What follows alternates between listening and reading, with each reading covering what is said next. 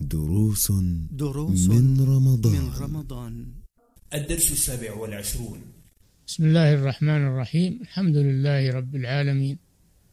صلى الله وسلم على نبينا محمد وعلى آله وأصحابه أجمعين. الواجب على المسلم أن يواصل عمل الخير في رمضان وفي غيره. لا يخص وقتا دون وقت بالعمل لكن يواصل الخير والعمل الصالح من حين يبلغ سن الرشد إلى أن يتوفاه الله عز وجل. نعم يخص أوقات مواسم الخير كشهر رمضان بمزيد اجتهاد ولكن لا يقتصر عليها. هذا هو شأن المسلم مع العمل أن لا يغفل عن ذكر الله وألا يحافظ على الفرائض في وقت معين ثم يضيعها في وقت آخر. الله جل وعلا قال والذين هم على صلواتهم يحافظون أولئك هم الوارثون وقال والذين هم على صلاتهم دائمون والله جل وعلا يقول حافظوا على الصلوات والصلاة الوسطى. والمحافظة تعني المداومة على أداء الصلوات في مواقيتها ومع الجماعة. وهذا شيء يغفل عنه بعض الناس أنهم يتساهلون في الصلاة في أوقاتها. قد ينامون طول النهار يقول نحن صائمون ولا يصلون إلا في الليل يصلون صلاة النهار في الليل. والله جل وعلا له عمل في النهار لا يقبله في الليل وله عمل في الليل لا يقبله في النهار كما قال أمير المؤمنين عمر بن الخطاب رضي الله تعالى عنه.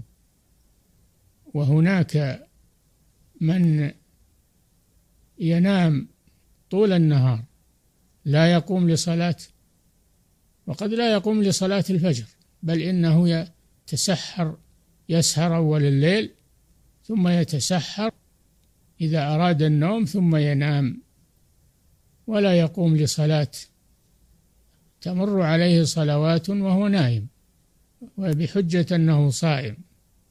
كيف يحافظ على الصيام ولا يحافظ على الصلاة مع أن الصلاة أوكد من الصيام؟ الصلاة هي الركن الثاني من أركان الإسلام بعد الشهادتين. وأما الصيام فإنه هو الركن الرابع من أركان الإسلام. الصلاة فرضت على النبي صلى الله عليه وسلم قبل الهجرة. صلاها في مكة. ليلة عرج به إلى السماء. فرضها الله عليه وذلك قبل الهجرة. ذلك في مكة.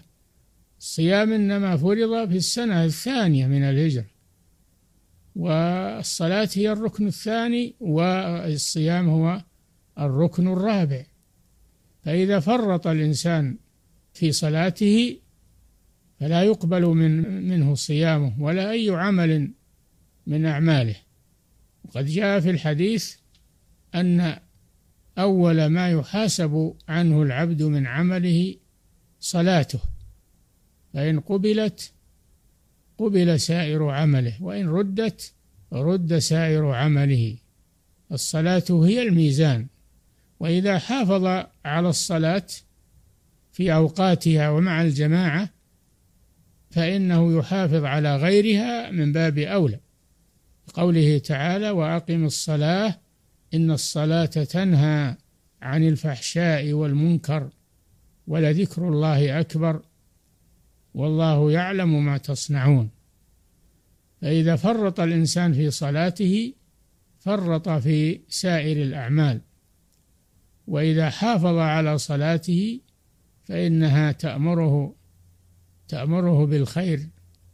تنهى عن الفحشاء والمنكر فيها ذكر الله وذكر الله أكبر. الصلاة فيها أمران عظيمان. أنها تنهى عن الفحشاء والمنكر أنها ذكر لله عز وجل وذكر الله أكبر. الواجب على المسلم المحافظة على الأعمال الصالحة ما دام على قيد الحياة. الدنيا مزرعة الآخرة. فإذا لم تزرع في دنياك لم تحصد في آخرتك. كما في قول الشاعر فمن فاته البذار في وقت البذار فما تراه يحصد إلا الهم والندم فإذا لم تبذر في الدنيا لم تحصد في الآخرة. فعلى المسلم أن يتذكر هذا ويعلم أنه مسؤول ومحاسب وموقوف بين يدي الله. قال تعالى يومئذ تعرضون لا تخفى منكم خافية. أمامنا موازين توضع فيها أعمالنا توضع الحسنات في كفة والسيئات في كفة. فمن ثقلت موازينه فأولئك هم المفلحون. ومن خفت موازينه فأولئك الذين خسروا أنفسهم في جهنم خالدون.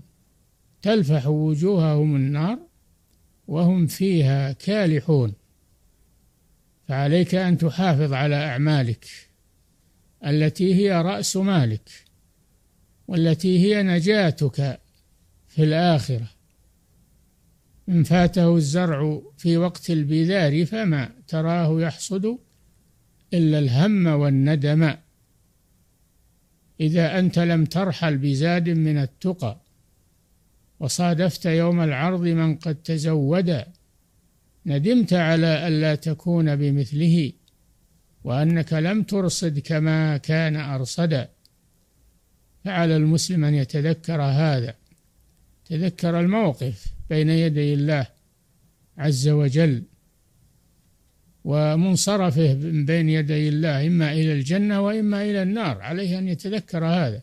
الله تعالى أعلم. صلى الله وسلم على نبينا محمد وعلى آله وأصحابه أجمعين.